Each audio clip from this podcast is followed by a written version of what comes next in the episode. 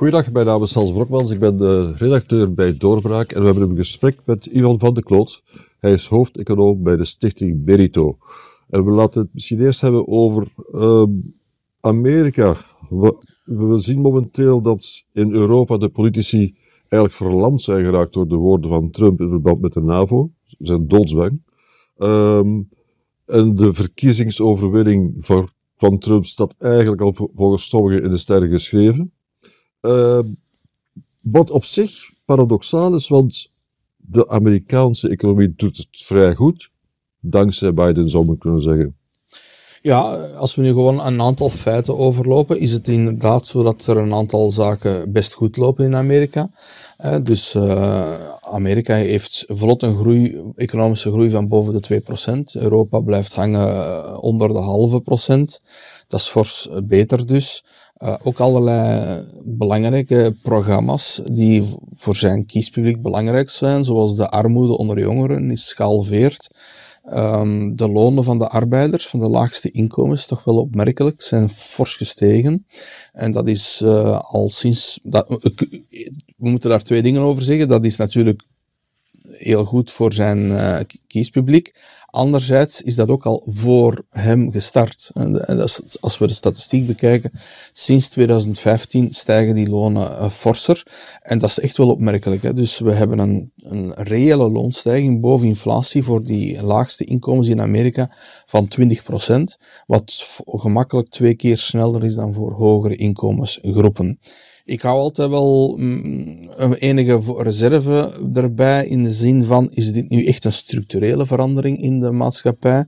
Of een meer conjuncturele. De bedrijven doen het zeer goed natuurlijk. Ja, ze, we zien ook dat ze enorm veel investeren. Hè. Dus uh, zo'n parameters als fabrieksgebouwen uh, die neergeplant worden, dat is toch wel echt de harde economie die het sterk doet. Er is natuurlijk dat uh, befaamde beleid van Biden op dat vlak, de, in de Inflation Reduction Act, waar hij heel veel honderden miljarden in de economie pompt en heel veel industrieel beleid voert. Uh, om de verwerkende nijverheid terug in Amerika te behouden. De Amerikaanse verwerking. verwerking. Ja, dus... Het pure subsidies aan het Amerikaanse bedrijfsleven. Ja, en dat kunnen wij natuurlijk van ons perspectief minder appreciëren. Maar voor zijn agenda is dat toch wel. wij krijgen soms op basis van beelden. Ja, dat is, Biden is een stok oude man die het allemaal niet meer goed weet. Maar wij weten eigenlijk dat um, in het verleden, als de economie het goed draait, dat dat in theorie een goede steun zou moeten zijn voor de zittende president. Er zijn natuurlijk altijd uh, bredere negatieve fenomenen. We hebben de begroting die natuurlijk grote tekorten oploopt, maar dat zal ook onder Trump het geval blijven. Uh, want dat bindt hun eigenlijk die twee partijen in deze tijden van ze geven allemaal veel geld graag uit en ze letten niet veel op de begrotingstekorten.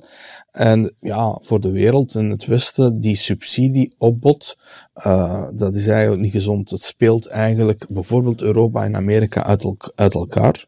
We kunnen natuurlijk een aantal scenario's maken van wat als. Ja, het scenario Trump en het scenario Biden, uh, gaat dat compleet de, de andere richting uit? Of uh, voor, voor Biden kunnen we verwachten dat er meer van hetzelfde komt, met een versterking van bepaalde accenten. Je moet goed weten dat um, Biden had eigenlijk zijn Build Back Better plan in 2021. Dat was een uh, plan van meer dan 3500 miljard dollar. Heel veel daarvan is niet gerealiseerd kunnen worden door republikeinse tegenstand in het congres.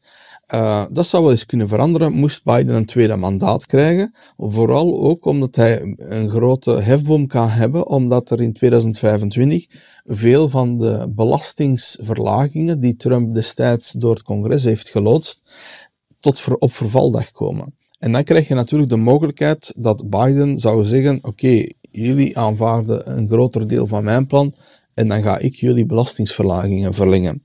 Dus dat creëert een, een bepaalde hefboom.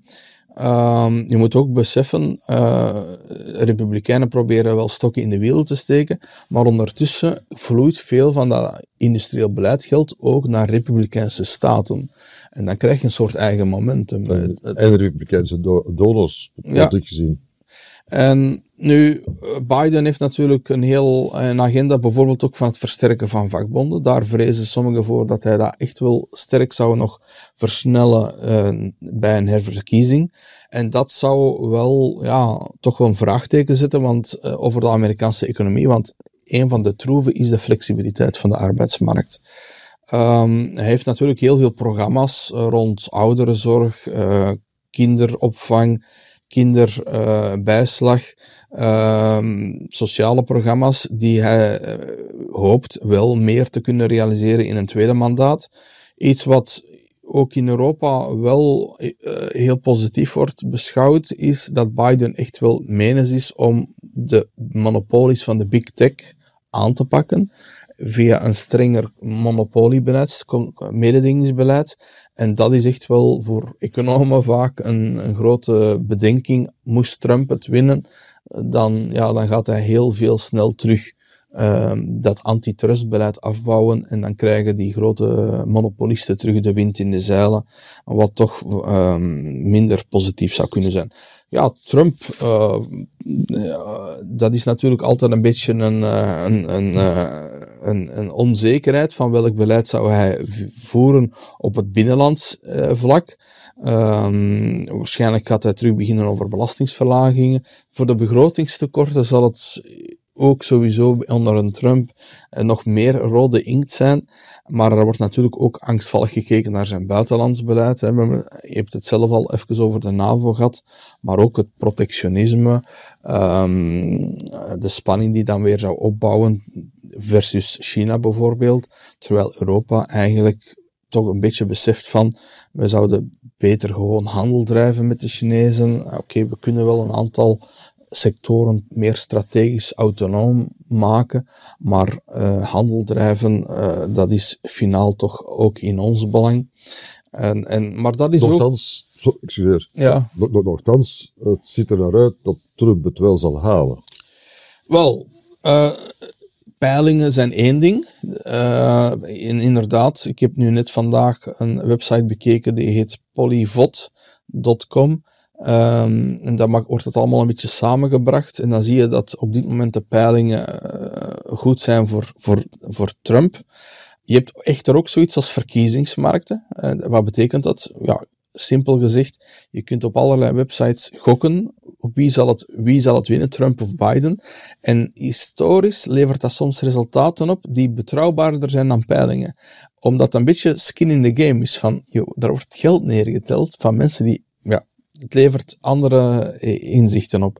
En op die uh, verkiezingsmarkten zien we dat Biden vandaag het iets beter doet. Maar eigenlijk, uh, want het voordeel van die polyvot.com is, je kan ook vergelijken met voorgaande historische verkiezingen.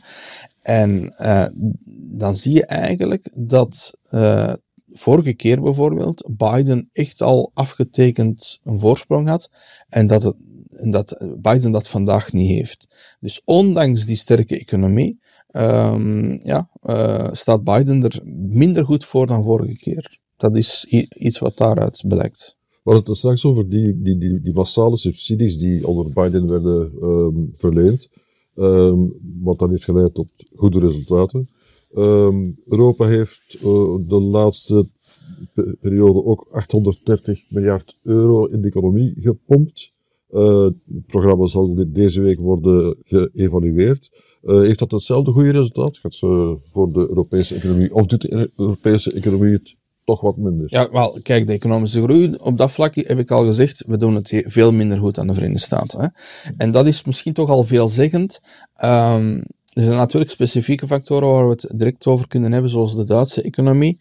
Maar wat je heel sterk moet begrijpen in Amerika is, ja, er is die impuls vanuit de overheid, vanuit de, de administratie Biden, maar dat heeft een soort hefboom-effect, namelijk er is enorm veel private investeringen ook. Dus ja, je hebt die component overheidsinvesteringen, maar er is eigenlijk nog een veelvoud van private investeringsboom geweest. En dat heb je veel minder in Europa. Dus wij geven wel duur voorzien belastingsgeld uit, maar de private sector pikt dat niet op. En dan krijg je een veel minder uh, hefboom-effect. En, dat, en Um, en is ja, in mijn ogen, ik heb al veel van dat soort relancepakketten gezien in Europa. En um, ja, de, vraag is hoe, hoe effectief zijn die? Um, en we gaan nu een evaluatie krijgen. Ik kan u zeggen dat dat maar een eerste zet zal zijn, want dat moet nog jaren duren eer je echt een goede evaluatie kan maken. Je kan dat op zo'n korte termijn niet doen, wat dat echt in de economie verandert. Um, maar um, het is toch een beetje een risico dat er veel van dat geld eigenlijk verspild is geraakt. We weten bijvoorbeeld dat een heel grote component van dat geld, van dat relancegeld in Europa, naar Italië is gegaan. En daar weten we dat de Italiaanse overheid het eigenlijk niet weet wat ze met dat geld moeten aanvangen. Ze wilden zelfs een voetbalstadion bouwen. ja, ja, dat hebben ze dan wel kunnen tegenhouden.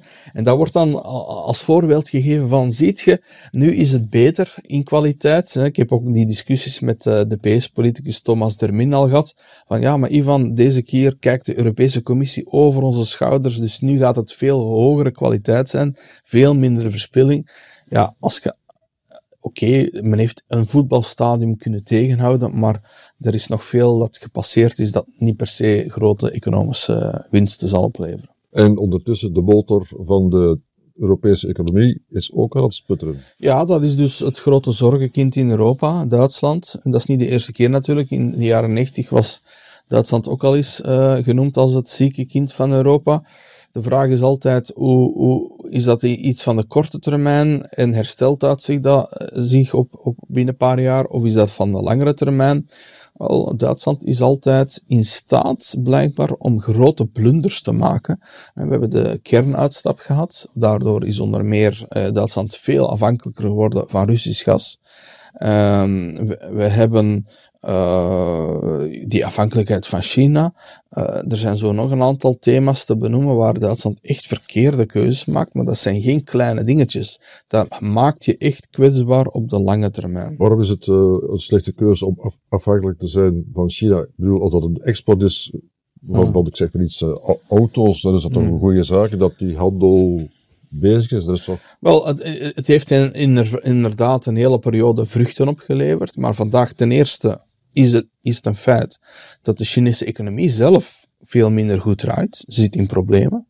En ja, dan ben je kwetsbaar als je economie zo sterk afhankelijk is van die Chinese motor. En dus dat is een kwetsbare plek op dit moment. Maar anderzijds ja, is er toch een heel andere eh, beschouwing van, ja, China wordt als een, iets, een entiteit gezien waar we toch wat meer afstand van moeten nemen. Er wordt al onmiddellijk meer gewezen op Chinese spionage, Chinese, uh, dat Chinees, Chinese China wordt eigenlijk als een, als een adversary, als een tegenstander meer en meer gezien. En er wordt eigenlijk, en er is ook heel grote druk van Amerika, bijvoorbeeld op haar halfgeleiders uh, heeft men eigenlijk gezegd, nee, die mogen niet meer uit China komen. Dus uh, men is echt wel... Mm, en ik zeg het, ik denk niet dat het in ons belang is om ons te laten opjagen door Amerika, ja. om even, even hard protectionistisch tegenover China te worden als Amerika, maar, maar een zekere graad van strategische autonomie, dat je wat minder kwetsbaar maakt, hè, bepaalde technologie. Uh, men spreekt over de chips, men spreekt over Um, hernieuwbare, hernieuwbare energie, grondstoffen. Um, er zijn allerlei materies. Hè. Denk onze Proximus. In welke mate gebruiken ze de technologie van Huawei? Wat is daar de risico's aan verbonden? Dat soort thema's, dat leeft vandaag veel meer dan een paar jaar geleden. Ja, maar ik heb de indruk dat voor China en voor de Verenigde Staten de, de handels, het handelsbeleid een, een, een zero-sum game is geworden. Uh, als, als, als, het slecht gaat uh, bij de ene, gaat het goed voor ons. Uh, ja, als econoom moeten we daar tegengas geven. Moeten we zeggen, nee, handel in theorie kan goed zijn voor iedereen. als het dan wel een aantal voorwaarden voldoet, zoals wederkerigheid. Dat we even goed toegang krijgen tot de Chinese markt als zij tot de onze, wat niet altijd het geval is. En um, gewoon, hè, we zitten in, opnieuw heel simpel gezegd, we zitten in tijden van oorlog. Uh, het is heel normaal dat er dan terug wat meer naar veiligheidsoverwegingen gekeken wordt, meer naar ja, autonomie, zorgen dat je niet te kwetsbaar bent voor een buitenlandse entiteit. Ik ken ook de tegenstem. De tegenstem zegt heel sterk van ja, maar China is, is eigenlijk geen militair expansionistische staat. Ze is dat op handelsvlak. Daar durft ze heel sterk, heel hard zijn, concurrentieel. diplomatiek. Maar ze is in heel haar historie, in heel haar geschiedenis, weinig militair agressief tegenover anderen geweest. Diplomatiek wel natuurlijk. Ja, en mm, dus dat, is het debat. Uh, we gaan dat debat vandaag niet beslichten, maar het leeft. Het leeft veel meer dan 10 jaar, 15 jaar geleden. En ik kan alleen maar, ik kan ook zeggen, sommigen zeggen, ja, het is toch maar gewoon de vrije markt. Als een grote chemisch bedrijf zaken wilt uh, bedrijven in China, is dat toch de vrije markt. Dat is ook niet helemaal het waar. Uh, het is vaak uh, bijvoorbeeld Angela Merkel geweest, die grote chemische Duitse bedrijven een beetje gedwongen heeft om veel in China aanwezig te zijn daar is toch altijd die invloed ook van de politiek. En het is niet zomaar de vrije markt, er gebeurt ook wel wat meer achter de schermen dan wij denken. Nu, het laatste wat ik over Duitsland zeker nog wil vermelden is zijn autosector. Ja. dat is natuurlijk een, een gigantische motor, uh, sterktehouder van de Duitse economie. Maar die heeft eigenlijk op dit moment gezegd de trein gemist naar de elektrische voertuigen. En, en, en, en, en dat maakt Duitsland veel zwakker dan het zou moeten zijn. En dat ja, kunt er allerlei. Ik, ik ken nogal wat mensen die daar heel kritisch over zijn. Van dit is voor hun ook een van een, hoort ook op de lijst van de blunders van de Duitse uh, maatschappij van de voorbije 10, 15 jaar, dat men te conservatief is geweest en te weinig uh, op die kar is gesprongen. En ondertussen staan de Chinezen klaar met hun elektrische auto's die ja. fel onder de prijs van de Europese uh, zullen gaan. En dus, we moeten, er zijn een aantal tendensen, zou ik zeggen, in Europa breder, specifiek in Duitsland, die toch wat minder kortdurend zijn. de demografische tegenwind is veel sterker in Europa, vergrijzing, krimp van de bevolking dan in Amerika.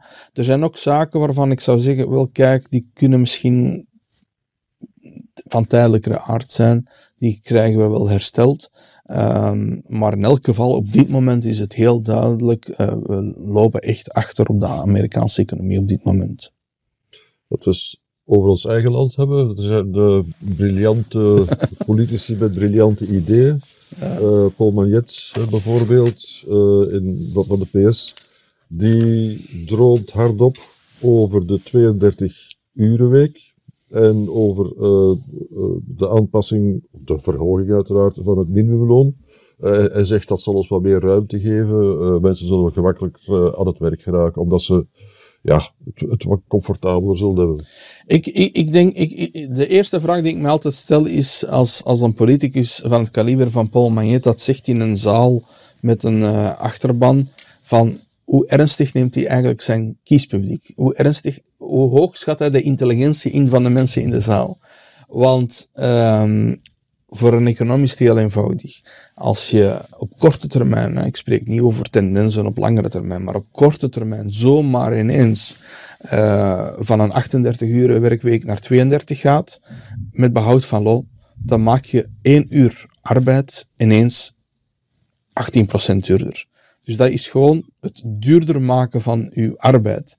En dus wat hij, uh, ik, zou het eerlijk vinden, moest hij dat gewoon zeggen van, ah, ons beleid is het duurder maken van de werknemers voor de werkgevers. En dan zie je ineens het mogelijke, het mogelijke en het heel reëel risico, namelijk dat het, het gevolg daarvan zal zijn dat er veel jobs verloren zullen gaan.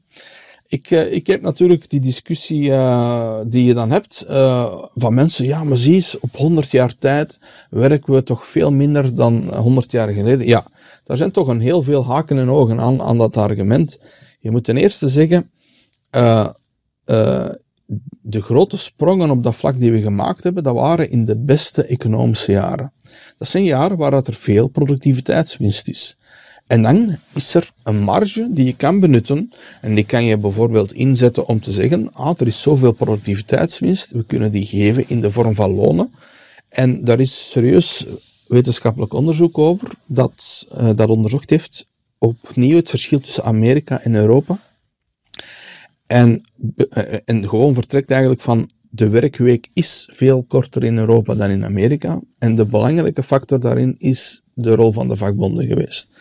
Maar dat kan een maatschappelijke uh, uh, gebeurtenis zijn dat uh, door krachten in de maatschappij, zoals vakbonden, men kiest voor kortere werkweek. Maar men heeft dat opnieuw gedaan in die gouden jaren van de jaren 50, 60 vooral.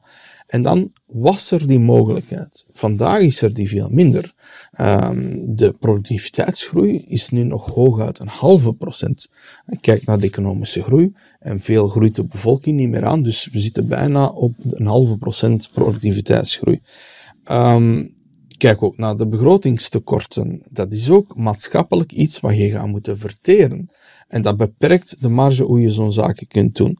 Uh, laat me wel wezen, ik ben hier niet aan het vertellen dat mensen x aantal uren moeten werken. Het, eh, als er individuele bedrijven zijn die daar een goede, verstand, in goede verstandhouding met hun werknemers overeenkomsten maken om af te wijken van de norm, dan is dat hun goed recht. Dat is ook wettelijk perfect mogelijk vandaag.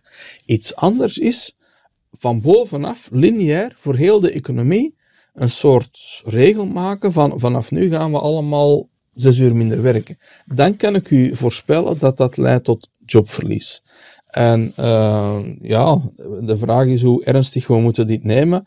Enerzijds zeggen mensen, ja, dit is pure verkiezingspraat. Uh, ik, ik, ik ben daar wel bezorgd over. Dat dachten wij ook van de, de verhoging van de pensioen die hij had aangekondigd en, en, doorgevoerd. Hij heeft, uh, hij heeft uh, je weet natuurlijk nooit met zo'n politici, maar hij heeft toch wel uh, heel duidelijk gezegd van ik kijk elke kiezer in de ogen. als wij in de regering komen, dan gaan we hiervoor. En dus dat is, lijkt mij dan toch iets minder gewoon oppervlakkige verkiezingspraat. Um, maar waar, waar, ik ook heel bezorgd over ben, voor ben, is het verkiezingsklimaat voor een stuk. Dat we opnieuw in een soort opbodpolitiek komen. Van elke partij begint nog zottere ideeën te lanceren. Vorige keer hadden we zo'n zaken rond de kinderbijslag. Dat ging echt over elke partij bood nog een paar euro's extra kinderbijslag. En uh, dat is toch niet waar we vandaag, dat zijn toch niet, dat is de, eigenlijk de belangrijke vraag is, wat zijn onze prioriteiten voor onze maatschappij? En uh, eigenlijk uh, denk ik niet dat die, dit gedeeld wordt, en zeker niet in het noorden van het land. En dan zie je eigenlijk toch dat uh, Magnet opgezweept wordt door het Waalse klimaat met de PTB, de communisten, die hem tot dat soort radicale beloftes begint te drijven. Dat belooft toch een woelige periode te worden. Ja. Ik dank u vriendelijk. Alsjeblieft. Doorbraak. Doorbraak. Doorbraak. Steeds vaker hoor je over Doorbraak. Want Doorbraak brengt ander nieuws, anders bekeken. En Doorbraak is complexloos Vlaams. Doorbraak. U leest en u denkt wat u wil. Doorbraak. Ga naar doorbraak.be en lees een maand gratis zonder verplichting. Doorbraak. Doorbreek de bubbel.